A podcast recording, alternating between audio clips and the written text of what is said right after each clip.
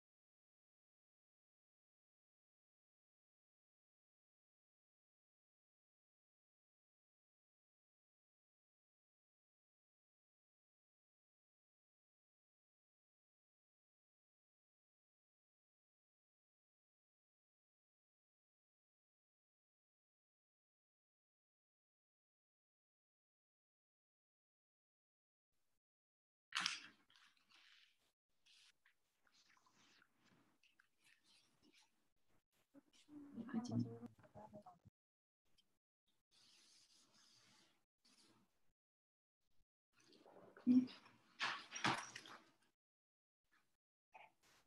Kopi kanan ini.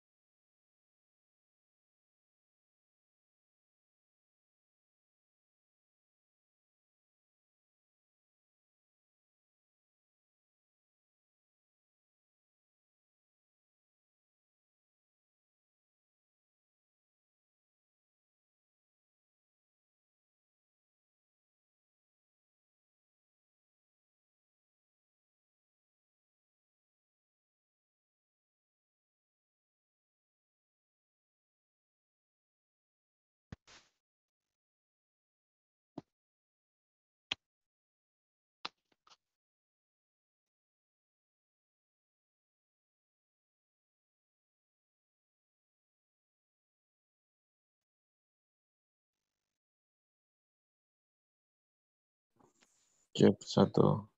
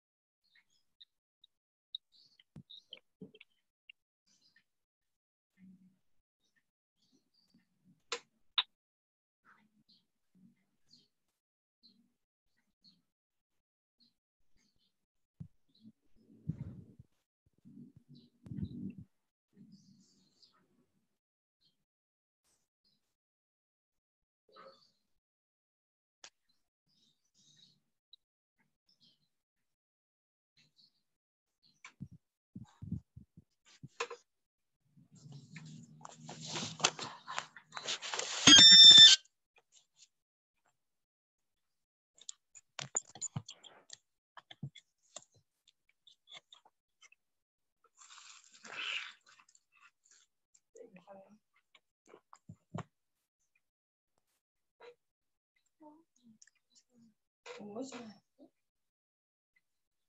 어, 다른 일 하셨어요.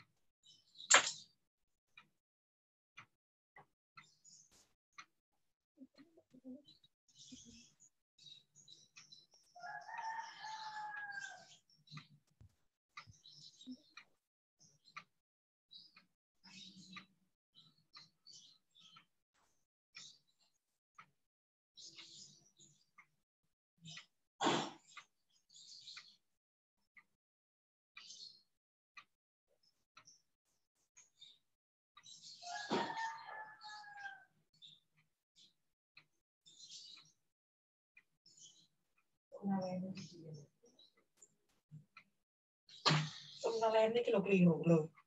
Tá plana. Iya. Kaya iki lho. Kenceng apiknya.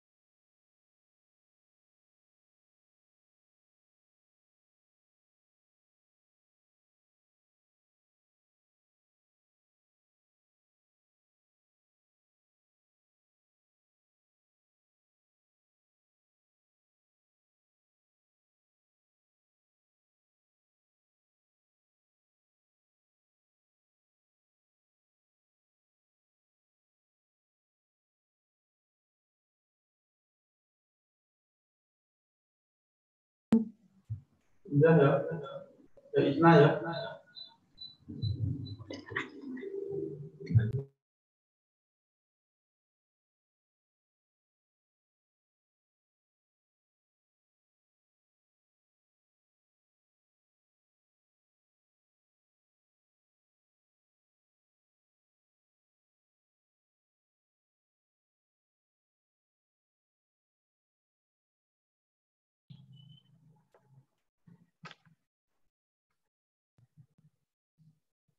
Assalamualaikum.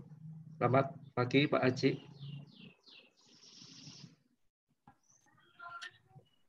Selamat pagi Pak Heri. Ya, mohon maaf ini tadi sempat trouble handphonenya, saya pindah ke laptop lagi ini. Iya. Dinamika hidup. Iya.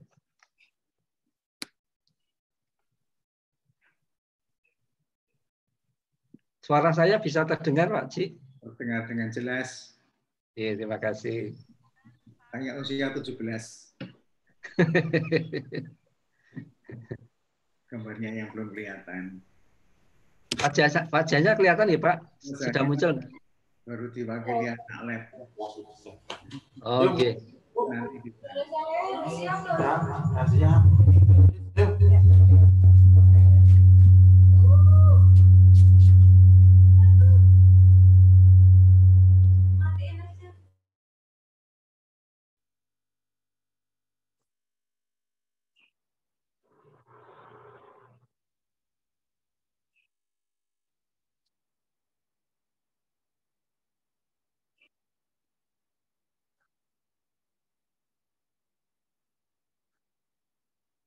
Mute sih. Ini udah mute ya. Bismillahirrahmanirrahim.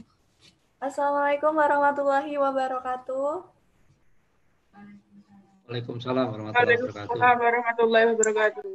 Ya, yang terhormat Bapak Ibu dan teman-teman para peserta ngobrol bareng Laboratorium Bimbingan dan Konseling Universitas PGRI Selam- Semarang. Saya ucapkan selamat pagi, selamat datang di acara ngobar dalam rangka Dies Natalis ke-39 Universitas PGRI Semarang. Oke, eh, di sini bagaimana nih kabarnya dari Bapak Ibu dan teman-teman? Anden, iki layarnya sih ngomong dipin, kan? Ini jadi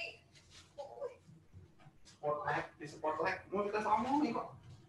Dadi omongin cok. Apa deh? You right so.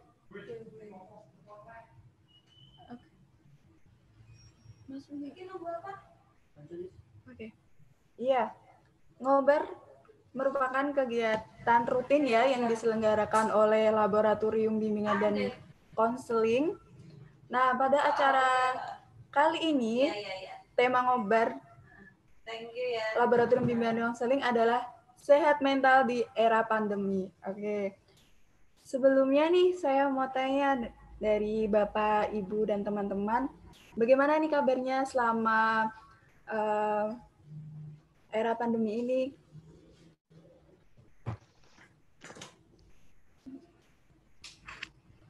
Ya, semoga selalu diberi kesehatan dan selalu dalam lindungan Allah Subhanahu wa taala. Amin. Ya, eh, sebelum memulai acara pada pagi hari ini, mari kita awali dengan membaca doa bersama. Semoga acara ngobar pada pagi hari ini dapat berjalan dengan lancar dan ilmu yang kita dapatkan dapat bermanfaat.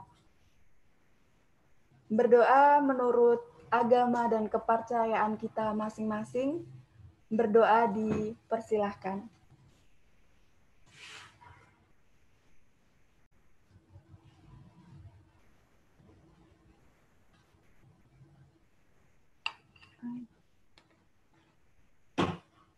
Ya. Ya. Berdoa selesai. Oke. Eh, di sini eh, selamat datang kepada Bapak Ibu ya dan teman-teman di sini eh, beberapa dari Universitas PGRI Semarang, dari halo Universitas dari teman-teman STI Kubang, terus Universitas eh, Ahmad Dahlan, terus ada STI ABS Semar Semaratungga gitu. Selamat datang. Terima kasih sudah berpartisipasi. Semoga nanti bisa sampai akhir sesi eh, ngobar pada kali ini. Acara yang selanjutnya adalah menyanyikan lagu Indonesia Raya.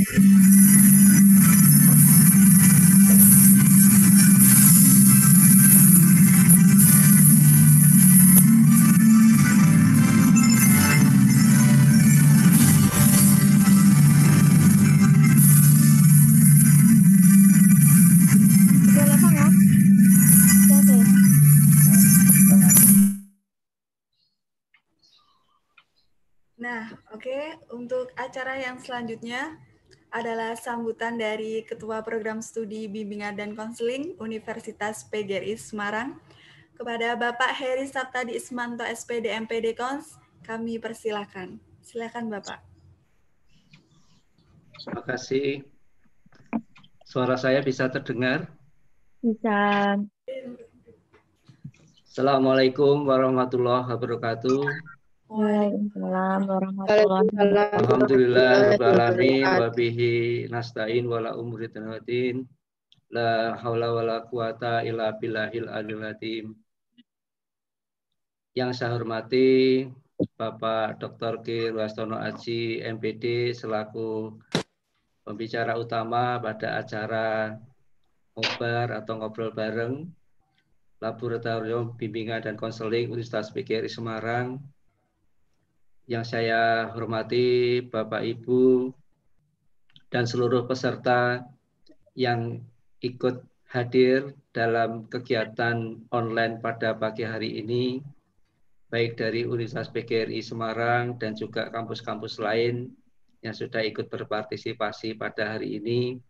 Kak Yan, Puja, puja dan puji syukur kita aturkan kepada Tuhan Yang Maha Esa, yang mana pada pagi hari ini kita masih diberikan kekuatan dan kesehatan lahir dan batin pada situasi pandemi COVID-19 ini dan kita sedang menuju atau berada di new normal sehingga kegiatan ini masih dilaksanakan tidak dengan tatap muka, tetapi dilakukan dengan cara online. Semoga Bapak, Ibu, dan seluruh peserta pada hari ini dan seterusnya selalu diberikan kekuatan, kesehatan lahir dan batin oleh Tuhan Yang Maha Esa. Salam dan sholawat semoga tercurah kepada junjungan kita Nabi Agung Muhammad Sallallahu Alaihi Wasallam. Semoga senantiasa syafaatnya sampai kepada kita semuanya. Saya Heri Saptadi Ismanto, Kaprodi BK Universitas PG Semarang, mengucapkan banyak terima kasih. Yang pertama saya sampaikan kepada Kepala Laboratorium Prodi BK Universitas PG Semarang. Kemudian saya ucapkan terima kasih juga kepada Bapak Dr. Rastono Aji selaku pembicara yang sudah berkenan hadir dan memberikan kesempatan uh, menularkan ilmu dan juga strategi-strategi uh, yang nantinya berkaitan dengan tema pada pagi hari ini, yaitu mental sehat di masa uh, pandemi COVID atau di masa new normal ini. Kita bisa cermati bersama nanti yang akan dipaparkan oleh beliau Bapak Dr. Aji tentunya uh, semoga apa yang disampaikan pada pagi hari ini atau pada hari ini memberikan kemanfaatan yang luar biasa kepada kita semua.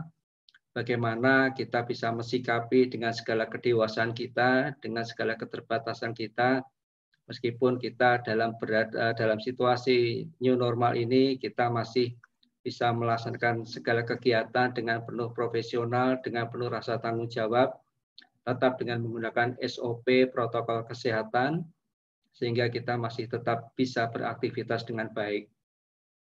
Tentunya saya uh, mengapresiasi dengan tema judul pada hari ini yaitu berkaitan berkaitan dengan mental sehat. Ini sangat dibutuhkan sekali supaya kita mampu berdamai, berakrab ria dalam situasi seperti ini, tetapi tetap produktif tentunya ini diperlukan uh, sebuah kekuatan dan mental yang sehat yang nanti akan dipaparkan oleh beliau Bapak Dr. Ki Ruasono Aji MPD. Untuk itu uh, para peserta Bapak Ibu semuanya uh, kita ikuti dengan sesama acara ini dari awal hingga akhir.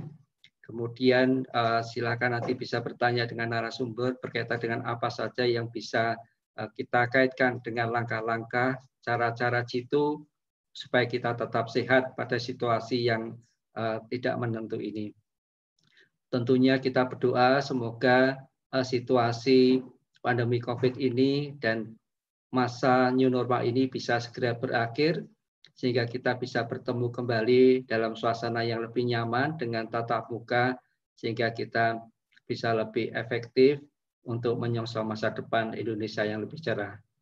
Maka untuk itu saya atas nama pribadi, atas nama Prodi BK, dan atas nama lembaga Universitas PGRI Semarang, dengan mengucapkan Bismillahirrahmanirrahim, acara ngobrol, ngobrol maaf, ngobrol, ngobrol bareng dengan uh, Laboratorium Bimbingan dan Konseling Universitas PGRI Semarang ini kami nyatakan dibuka. Terima kasih kepada seluruh panitia, asisten laboratorium, dan semuanya yang sudah mendukung acara ini dapat berjalan dengan baik. Untuk itu, kurang lebihnya saya mohon maaf.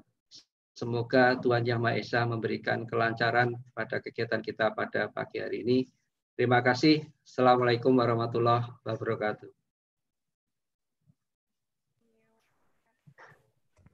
Baik, terima kasih kepada Pak Hedi serta Desmanto SPD MPD Kons yang sudah memberikan sambutan dan berkenan untuk membuka acara ngobar pada pagi hari ini. Nah, oke, okay. di akhir Desember 2019 gitu, kita dikejutkan dengan um, berita tentang virus corona yang muncul di Wuhan, Cina. Lalu lambat laun virus tersebut menyebar di seluruh dunia yang di mana seluruh dunia merasakan dampaknya sehingga uh, era itu disebut dengan era pandemi. Nah, era pandemi ini uh, berdampak di dalam segala bidang, misal di kesehatan, ekonomi, dan psikologis kita. Nah, untuk kita di sini sama-sama untuk berjuang survive bagaimana bisa melawan COVID-19 tersebut. Nah, di sini kita untuk selalu dihimbau untuk uh, social distancing, physical physical distancing, bagaimana kita untuk terus dihimbau untuk berolahraga, cuci tangan, dan memakai masker. Namun uh, di sini ada yang tidak kalah pentingnya. Oke, okay, kita selalu dihimbau untuk menjaga kesehatan fisik kita, tapi yang tidak kalah penting adalah kita dihimbau untuk bagaimana sih kita bisa memiliki kesehatan mental. Nah, itu yang paling penting. Karena apa? Karena kesehatan fisik dan kesehatan mental itu harus seimbang. Lalu gimana sih gitu ya eh, kita bisa memiliki sehat mental di era pandemi ini? Oke, nanti kita akan bahas dengan narasumber kita pada ngobar kali ini yaitu Bapak Dr. Gregorius Rastono Aji MPD. Namun sebelumnya saya akan membacakan CV dari beliau ya. Nama lengkap yaitu Dr. Gregorius Rastono Aji MPD. Tempat tanggal lahir Magelang 25 Mei 1953.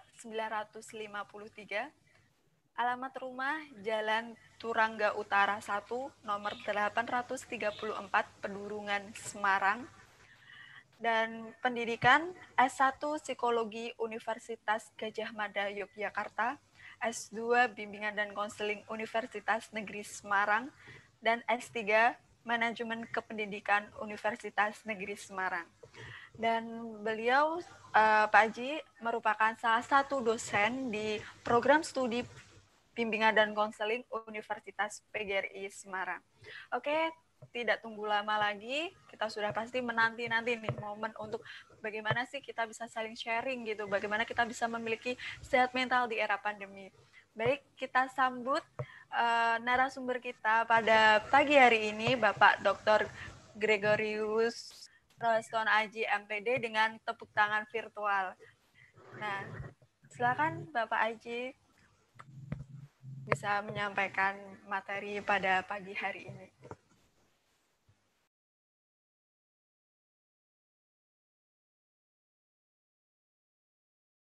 yang telah mengantarkan acara ini dan semoga suara saya sudah bisa diterima dengan baik.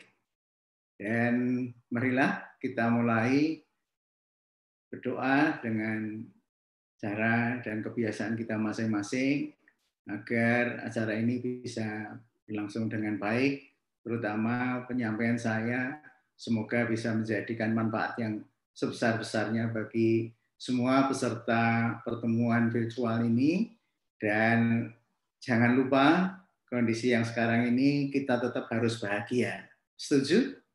Baik. Assalamualaikum warahmatullahi wabarakatuh.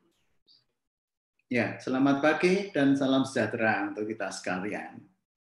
Marilah kita menuju sekitar bulan Maret yang lalu atau awal April, kita masih ingat bahwa pemerintah memberikan pengumuman bahwa kita memasuki suasana epidemi yang juga melanda di seluruh dunia. Tepatnya tanggal 31 Maret 2020. Saat itu juga kita semua tentu ingat betapa cemas kita sebagai orang tua, juga sebagai adik-adik remaja, pasti mengalami adanya rasa cemas terhadap wabah coronavirus disease 19 atau biasa disebut dengan COVID-19. Nah, mungkin bisa ditampilkan dari PowerPoint saya supaya para pemirsa lebih bisa mengikuti apa yang saya sampaikan dengan saksama. Baik, sambil menunggu paparan yang bisa nanti disampaikan, ya, maka kita COVID-19 atau biasa disebut dengan COVID-19. Nah, mungkin bisa ditampilkan dari PowerPoint saya supaya para pemirsa lebih bisa mengikuti apa yang saya sampaikan dengan saksama. Baik, sambil menunggu paparan yang bisa nanti disampaikan, ya, maka kita COVID-19 atau biasa disebut dengan COVID-19. Nah, mungkin bisa ditampilkan dari PowerPoint saya supaya para pemirsa lebih bisa mengikuti apa yang saya sampaikan dengan saksama.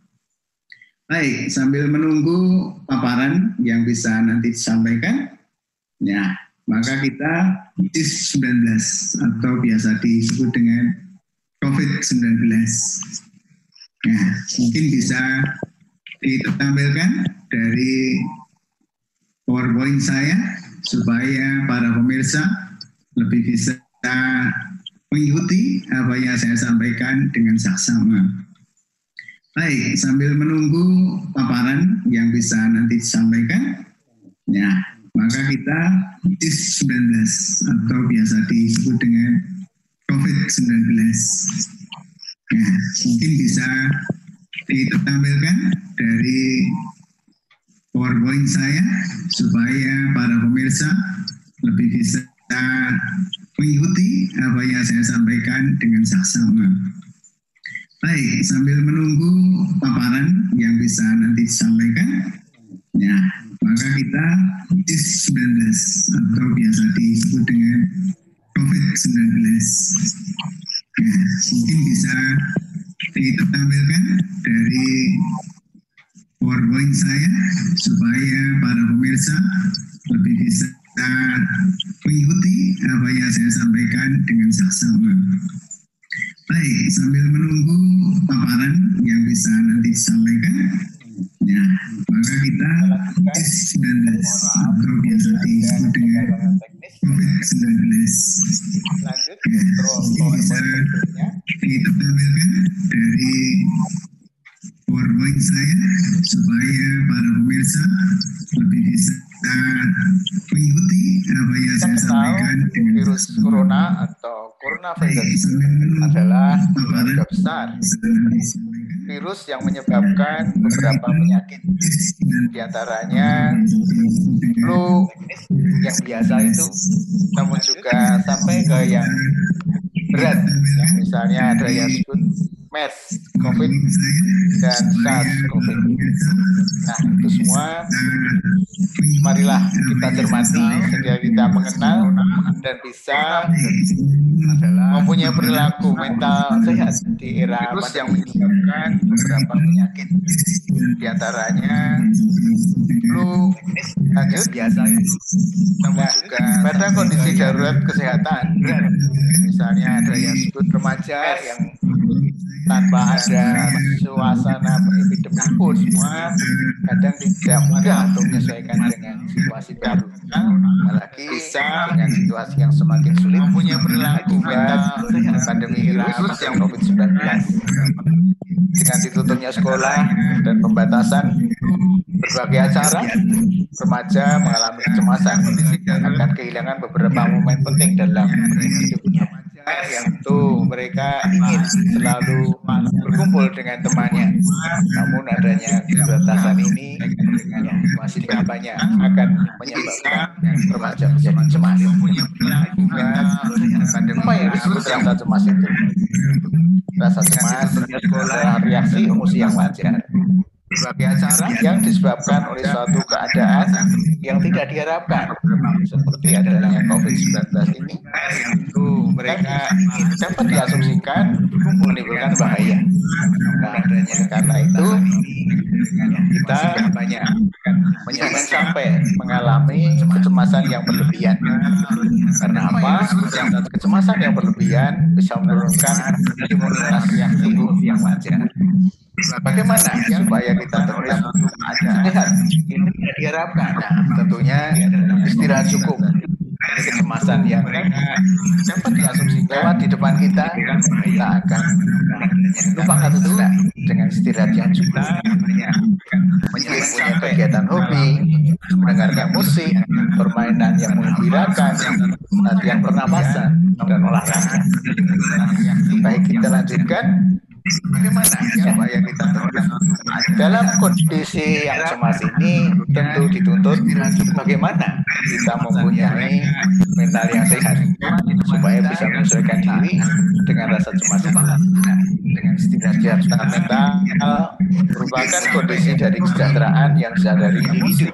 Permainan yang di dalamnya terdapat kemampuan untuk mengelola stres kehidupan yang wajar untuk bekerja secara produktif dan menghasilkan kondisi yang sama berperan dengan atau dalam komunitasnya. Kita mempunyai mental yang sehat supaya bisa mengapa terjadi kecemasan itu. Setidaknya kita merupakan COVID-19 tadi telah mengantarkan bagi sebagian orang dapat mengalami kecemasan untuk mengelola stres Nah, kehidupan yang wajar kesehatan mental secara memperoleh dan ada rasa sejahtera. Karena itu mampu dalam mengolah stres disebabkan karena adanya pembatasan selama era pandemi kecemasan ini. Salah satu contoh yang bisa kita lihat secara nyata adanya mahasiswa mental dapat mengalami saat harus tetap di kos yang ada pada saat era pandemi memperoleh yang memilih tidak pulang rasa sejahtera dan tetap dengan itu mampu koordinir teman-temannya dalam perkuliahan yang negara dilakukan karena atau dalam seri selama secara lancar terkait dengan itu salah satu contoh yang bisa lihat semester ternyata adanya mahasiswa yang harus tetap dengan yang bangkit dari rasa cemas tidak atau kemasannya itu bisa diartikan ya dalam kesehatan mental yang baik individu yang sehat di tengah kondisi yang secara kolektif dipandang sulit dan menekan seperti pada era pandemi ini dikatakan individu tersebut memiliki resiliensi yang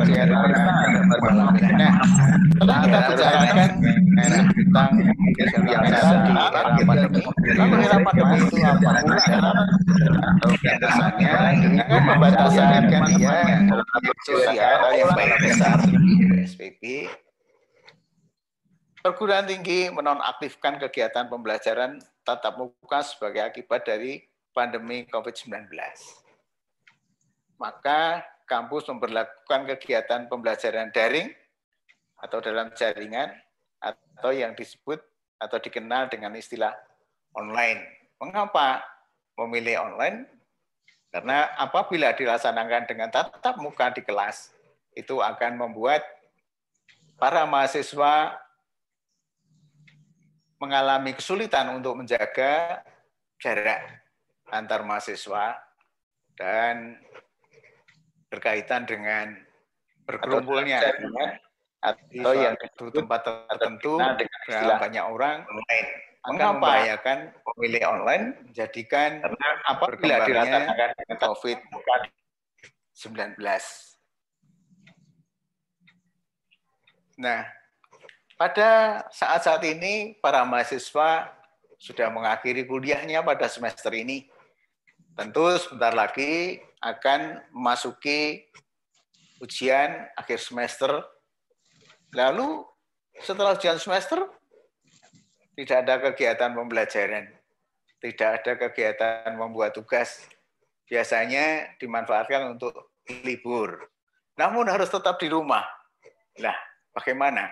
Kondisi tetap di rumah, tetapi tidak ada kegiatan belajar. Tentu akan membuat mahasiswa akan canggung ya. Mau belajar mau tidak akan ujian kok belajar. Biasanya seperti itu. Saya dulu juga kalau belajar kalau mau ujian saja. Ini sebetulnya keliru tapi ya apalagi masa pandemi seperti ini akan melakukan kegiatan lain tentu akan canggung. Nah maka pada masa tidak kuliah itu sebaiknya dilakukan sesuatu yang bisa mengisi supaya tidak ada peningkatan menurunnya kesehatan mental. Ya, setelah lima bulan ini di rumah dan mengikuti kuliah daring, apa yang dirasakan para siswa itu? Ya, mereka pada waktu kuliah secara daring merasakan lebih capek dibanding kuliah bertatap muka di kelas. Nah, mungkin kalau di kelas itu banyak temannya, kalau virtual ya, berkawan dengan gambar-gambar dan alat komunikasi. Nah, selama nanti setelah ujian akhir semester, Anda para mahasiswa di rumah saya perkirakan akan membuat sedikit galau para remaja ini. Nah, bagaimana kiat kita atau apa yang harus kita lakukan setelah ujian akhir semester di era pandemi? Nah, kita harus memperhatikan apa yang harus kita lakukan. Ada beberapa saran agar tidak galau ya, sampai ujian akhir semester di era pandemi ini. Apa saja itu? Saran yang pertama adalah menyadari adanya kecemasan. Ya, karena harus di rumah. Sehingga dengan resiliensinya remaja merasakan bahwa berada di rumah adalah upaya untuk melindungi diri sendiri dan orang lain. Nah, ini perlu disadari supaya tidak meningkat rasa cemas ataupun bosan berada di rumah menyadari pentingnya untuk tetap berada di rumah. Saran yang kedua adalah bahwa dalam situasi cemas, seorang remaja harus menghadapinya dengan mencari pengalian diri yang wajar. Apa misalnya? Mungkin mencari buku-buku ataupun uh, novel yang memberikan hiburan ataupun mencoba melakukan sesuatu yang selama ini tertunda yang merupakan hobi yang bisa ditingkatkan misalnya hobi bidang IT ya itu bisa eh, mengurangi rasa bosan berada di rumah. Saran yang ketiga adalah mempertahankan komunikasi dengan teman.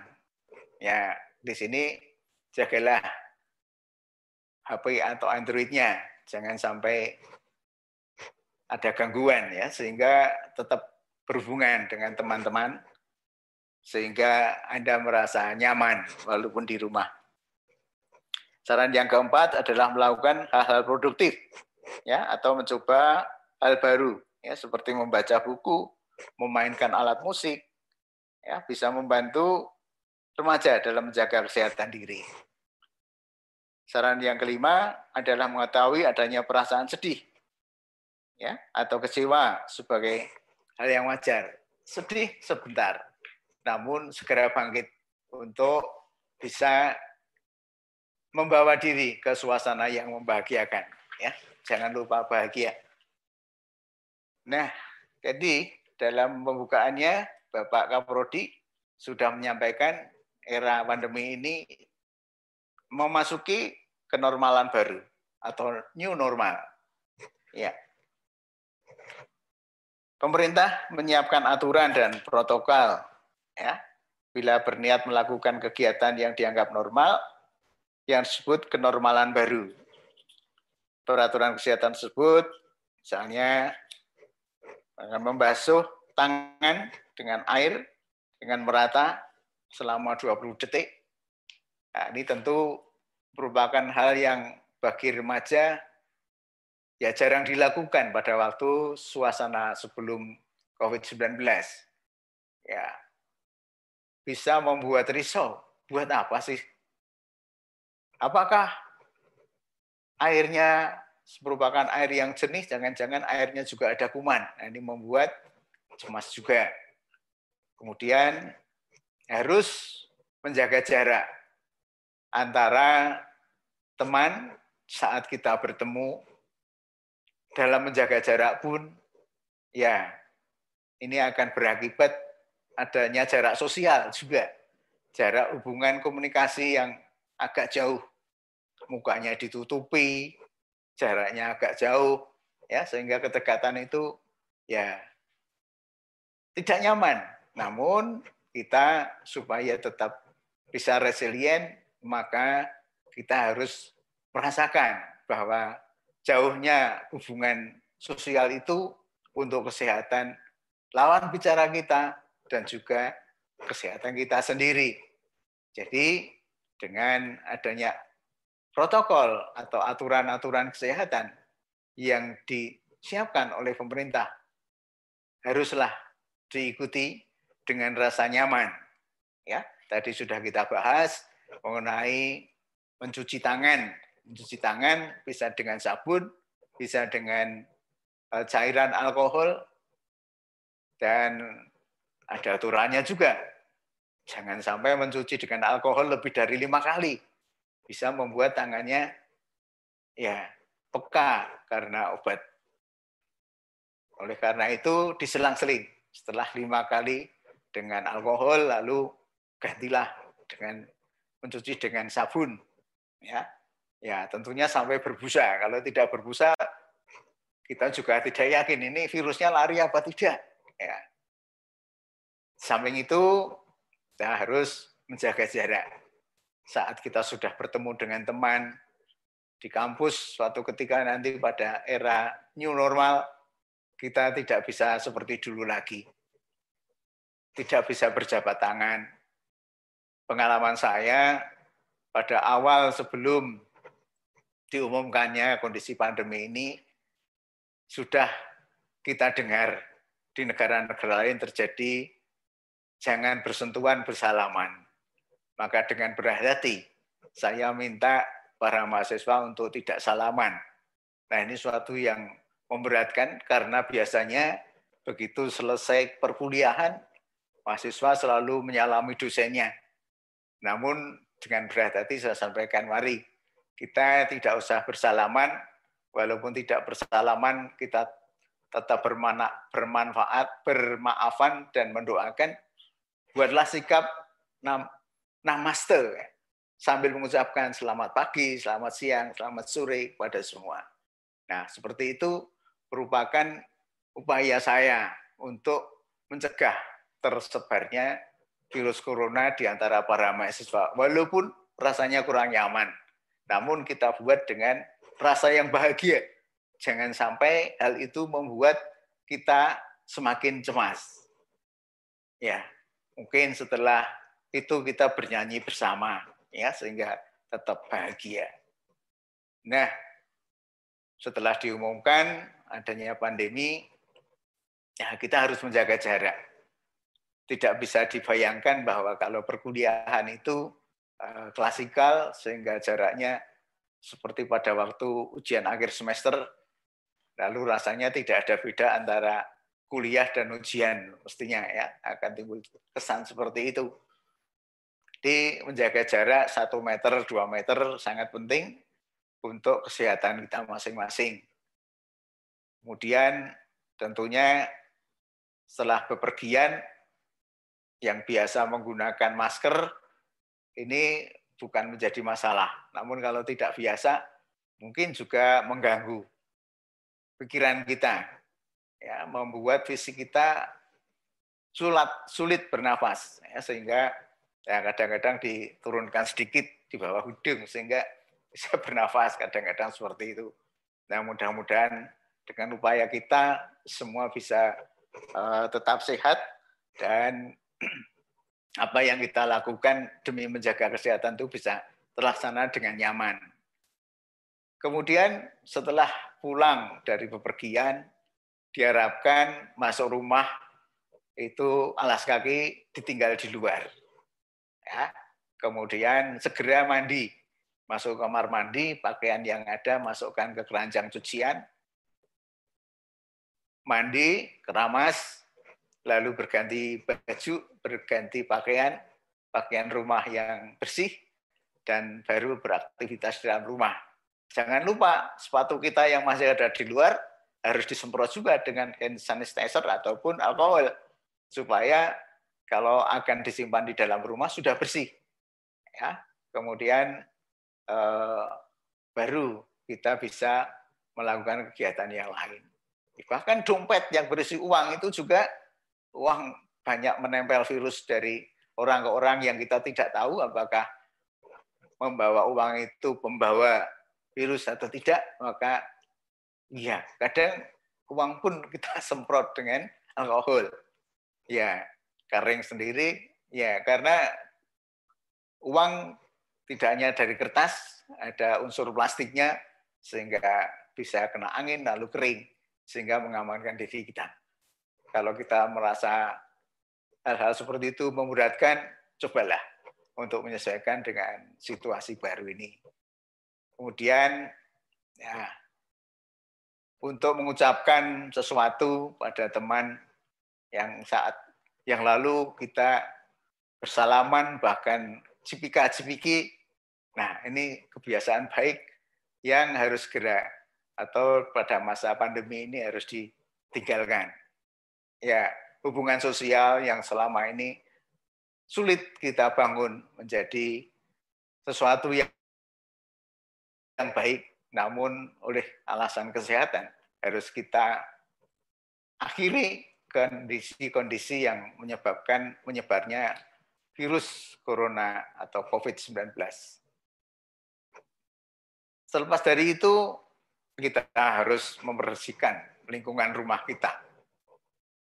Kemudian dalam membersihkan itu harus mengepel lantai rumah, kemudian harus membersihkan barang-barang yang sering disentuh dengan disemprot pakai alkohol, misalnya pegangan pintu, kemudian juga tirai yang harus sering dicuci, sehingga tidak menjadi tempat untuk bersarangnya virus yang tidak menguntungkan bagi manusia.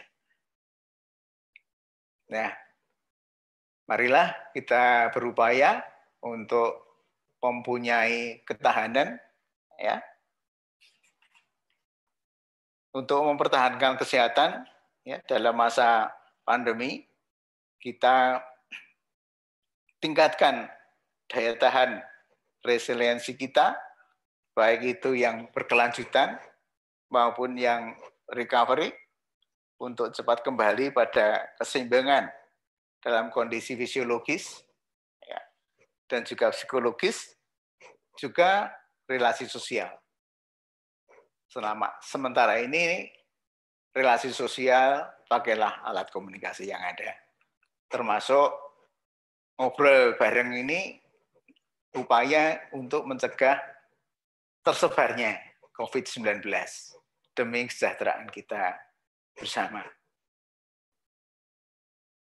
Materi-materi yang saya sampaikan ini sudah bisa kita ringkas bahwa dalam menghadapi situasi pandemi ini kita mempunyai beberapa saran untuk bisa melakukan segala sesuatu perilaku kita supaya selalu sehat ya jasmani dan rohani kita. Demikian juga dari pemerintah untuk menuju setelah pandemi menuju kenormalan baru, era new normal, maka kita biasakan untuk melakukan minimal tiga perilaku yang tadi saya sampaikan. Syukur-syukur yang lain-lain tadi juga bisa dilakukan ya mengisi kegiatan libur setelah ujian akhir semester sehingga pada waktu masuk kuliah lagi nanti meskipun masih dilakukan dengan secara online kita menjadi lebih nyaman karena merasa telah kita siapkan sehingga kita menjadi lebih sehat. Nah, dari paparan yang sudah saya sampaikan, eh,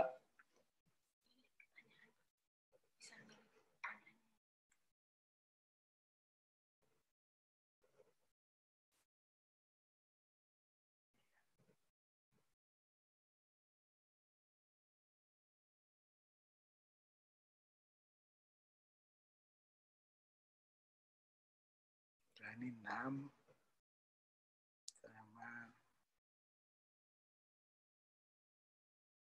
iya 7 6 7 ya.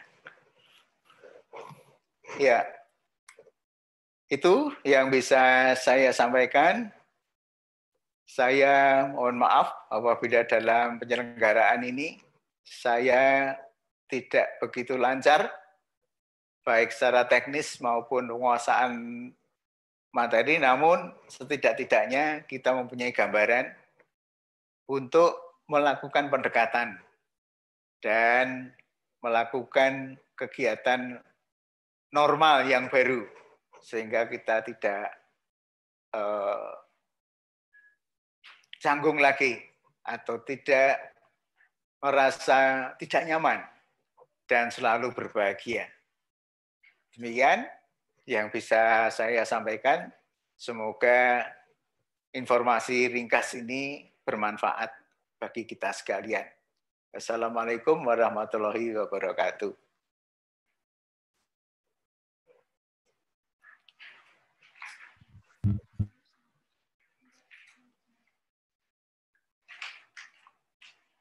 Kemudian adanya waktu, masih ada sisa waktu, bisa bila ada pertanyaan, bisa disampaikan kepada kami.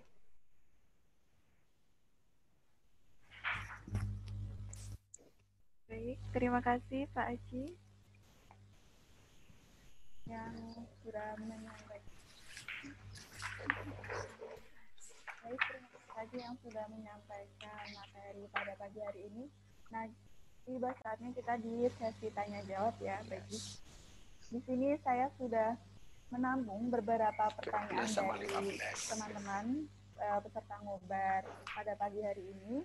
Nah, untuk sistemnya nanti uh, akan saya bacakan secara acak satu persatu pertanyaan dan nanti akan langsung dijawab oleh uh, Pak Aji selaku narasumber. Baik, untuk pertanyaan yang pertama dari Yudan Arif Putra Pratama. Uh, pertanyaannya adalah, bagaimana sih Bapak cara mengatasi rasa malas di era pandemi seperti ini? Baik, terima kasih kepada Pak Haji, monggo. Iya. Langsung kami jawab pertanyaan demi pertanyaan. Pertanyaan yang pertama bagus sekali dari Mas Yudan. Bagaimana cara mengatasi rasa malas di era pandemi seperti ini. Ya, tentunya kita bisa mengawali dari pagi saat kita bangun tidur. Biasanya bangun lalu sholat subuh, kemudian pada saat setelah sholat subuh bisa dilanjutkan dengan mungkin senam atau olahraga. Sehingga hari-hari kita kita mulai dengan fisik yang segar ya, dengan senam yang sederhana.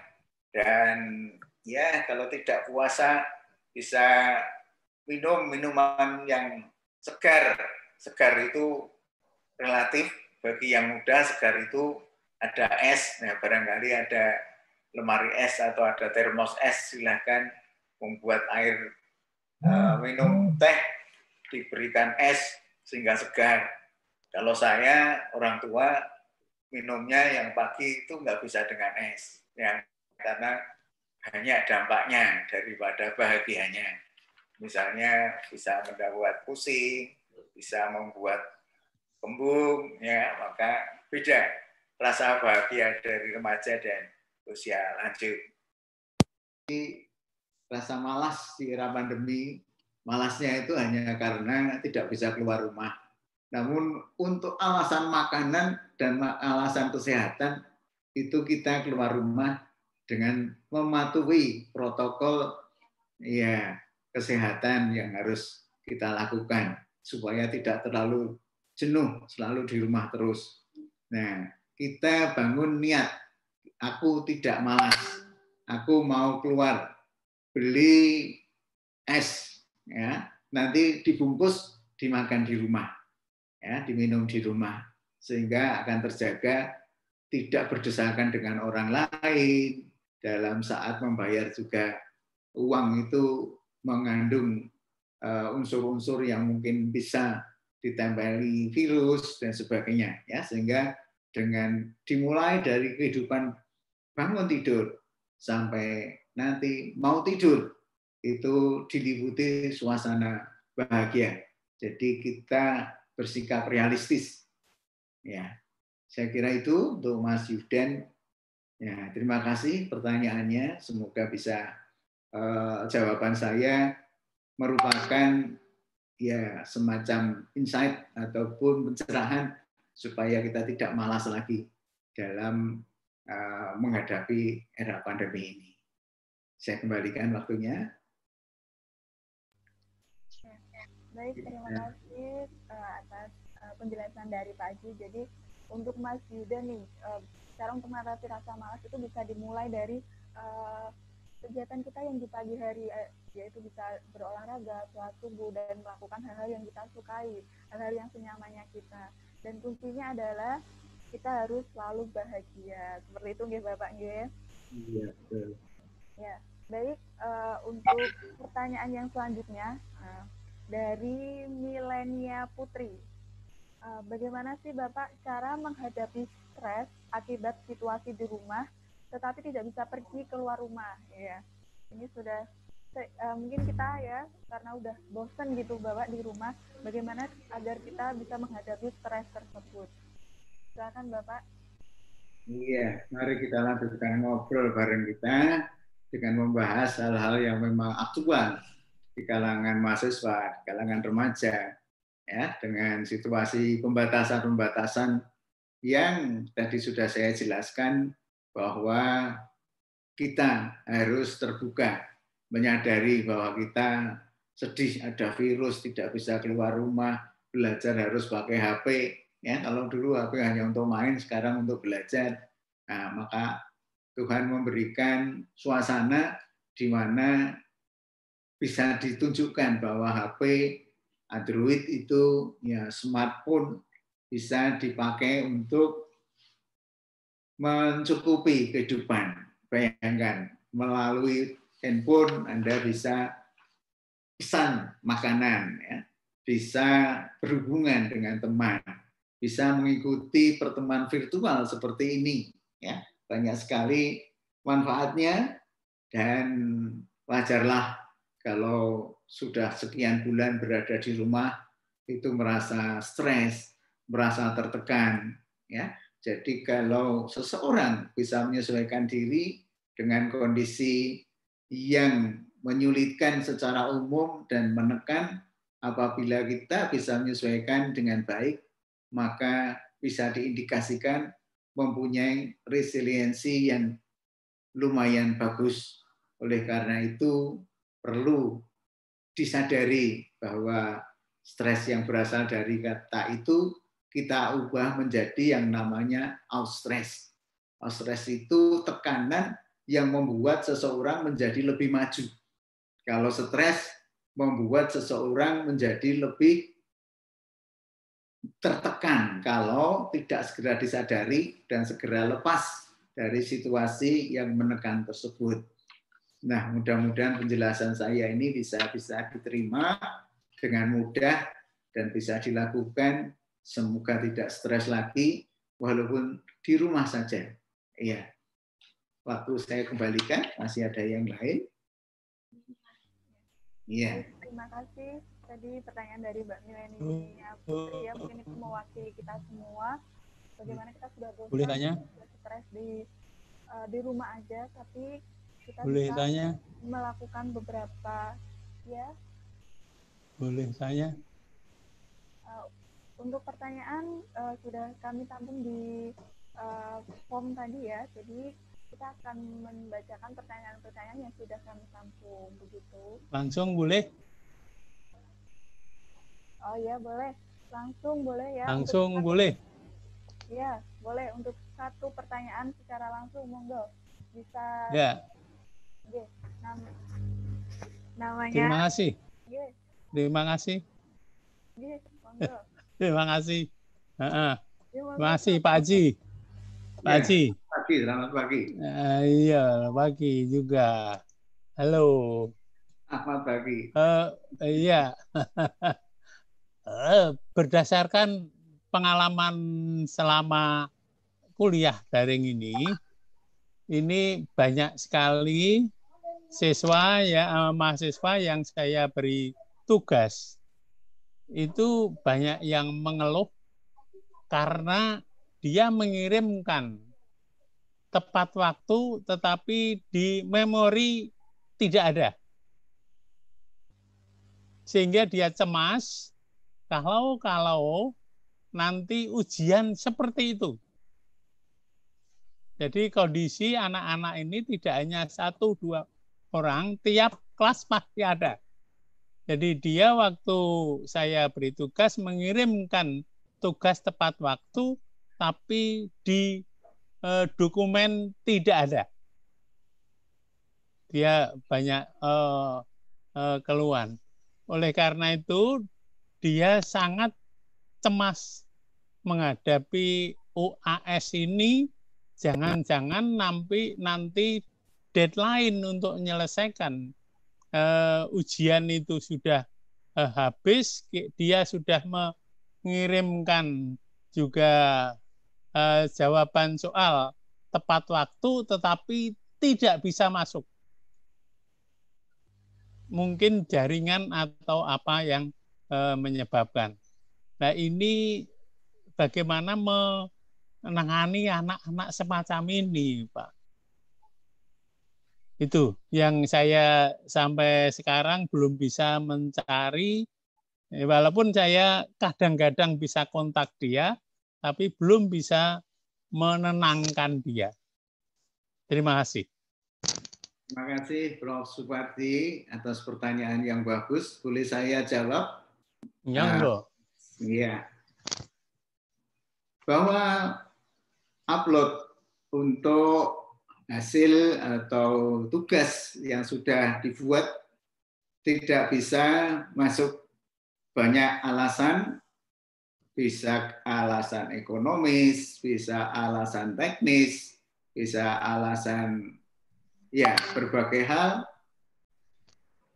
Oleh karena itu semua saluran untuk menyampaikan materi itu bisa disarankan pada mahasiswa Prof untuk bisa dicoba menggunakan sarana komunikasi yang bisa ditempuh. Misalnya, ya karena harus segera tugas itu sampai kepada dosennya bisa melalui Japri dikirim dengan WA, tidak melalui misalnya sistem informasi perkuliahan dan tetap ada resikonya karena toh akhir dari UAS atau semester ini nanti akan muncul nilai yang bisa dilihat melalui sistem informasi akademis yang juga mungkin akan dialami kendala teknis,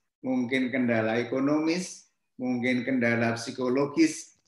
Nah, dari situ di permasalahan itu akan selalu muncul manakala permasalahan yang sebelumnya sudah selesai, lalu muncul permasalahan lagi.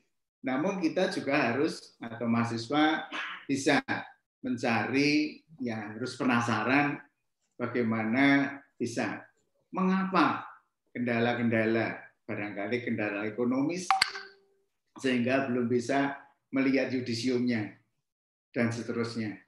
Mudah-mudahan apa yang saya sampaikan ini bisa ditempuh oleh mahasiswa terpaksanya di print lalu dikirim per pos ke alamatnya dosennya.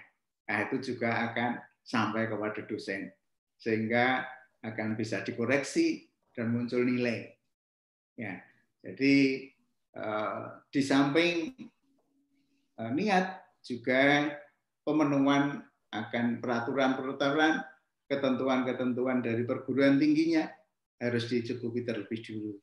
Saya kira begitu, Prof. Semoga bermanfaat. Ya, ya eh, terima kasih Pak Haji. Dan saya sampai sekarang masih eh, khawatir pada anak-anak itu karena eh, dia sampai dua tiga tugas yang saya berikan itu blank, nah, blank. Sehingga eh, saya minta tugas-tugas itu untuk di print out diserahkan ke PJ sementara PJ. Nah, nanti PJ ke, mengumpulkan beberapa teman yang nasibnya sama, kemudian eh, kami minta untuk dikirim ke alamat saya.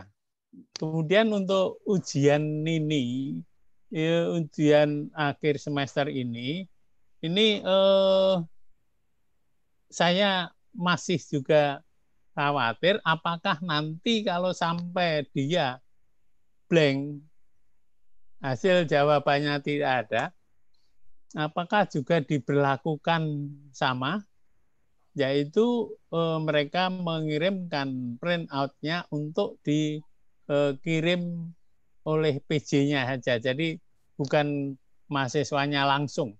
Biar PJ-nya bisa mempunyai tanggung jawab untuk menangani eh, apa grupnya yang mungkin mengalami masalah.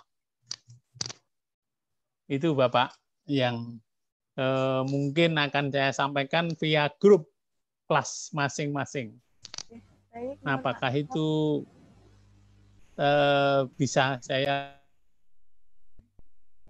Baik, mohon maaf Prof, waktunya sudah habis ya. Nanti bisa dibahas eh, atau diskusi lagi di luring atau luar jaringan atau luar daring begitu.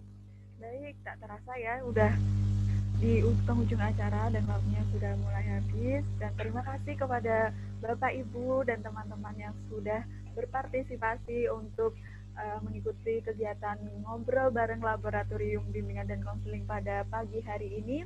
Dan di sini saya akan menyimpulkan ya dari tadi diskusi kita. Uh, tadi akan uh, untuk menjaga sehat mental kita itu kita harus bisa uh, mengalihkan diri. Maksudnya di mana kita bisa mencari kegiatan yang senyamannya kita, kegiatan yang kita sukai, lalu kita bisa melakukan hal-hal yang baru. Ketika kita bosan di rumah kita bisa uh, lebih manfaat memanfaatkan alat komunikasi kita. Misalnya nih dengan mengikuti uh, komunikasi virtual seperti ini diskusi virtual seperti ini jadi kita harus bisa mem, memberikan atau melakukan kegiatan yang bermanfaat untuk diri kita baik uh, terima kasih kepada uh, Bapak Dr. Gregorius Brasona MPD selaku narasumber pada pagi hari ini. Terima kasih kepada Bapak Ibu dan teman-teman atas partisipasinya. Untuk pertanyaan-pertanyaan yang belum terjawab nanti mungkin bisa dijawab melalui grup ya kita sudah memiliki grup nanti bisa dibahas dan bisa ditanyakan di grup. Nah, uh, saya untuk acara ngobrol ini uh, yaitu berkaitan dengan gerakannya berkaitan dengan Dies Natalis Universitas PGRI Semarang yang ke-39. Dan di sini saya akan mengingatkan untuk teman-teman, Bapak untuk Bapak Ibu dan teman-teman jangan lupa untuk um, mengisi daftar hadir form yang sudah diberikan dan jangan lupa untuk terus uh, ikutin kegiatan kita karena kegiatan ngobar merupakan kegiatan rutin dari laboratorium kimia dan konseling. Cukup sekian, selamat siang, terima kasih, sampai jumpa di ngobar yang selanjutnya. Jangan lupa untuk terus bahagia. Terima kasih. Wassalamualaikum warahmatullahi wabarakatuh. Waalaikumsalam. Eh, Selamat Pak Haji. Terima kasih, Prof. Sampai ketemu.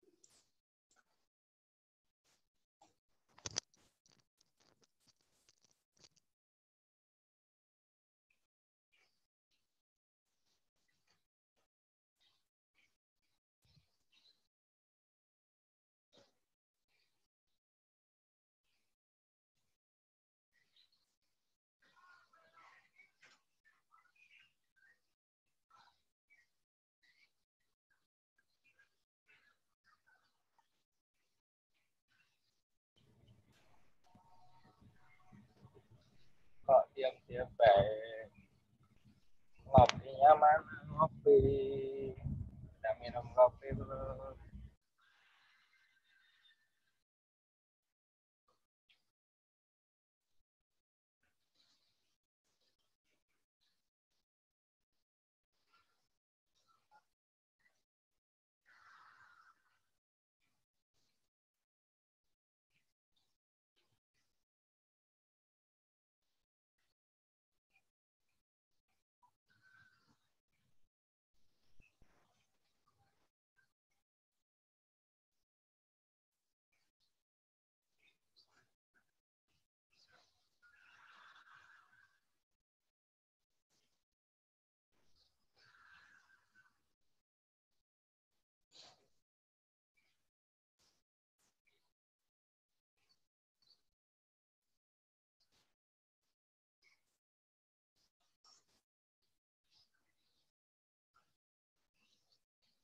Luis. Waalaikumsalam. Is, uh, anu uh, mendatang masih ada lagi enggak itu uh, seperti ini ngobrol ngobrol ngobar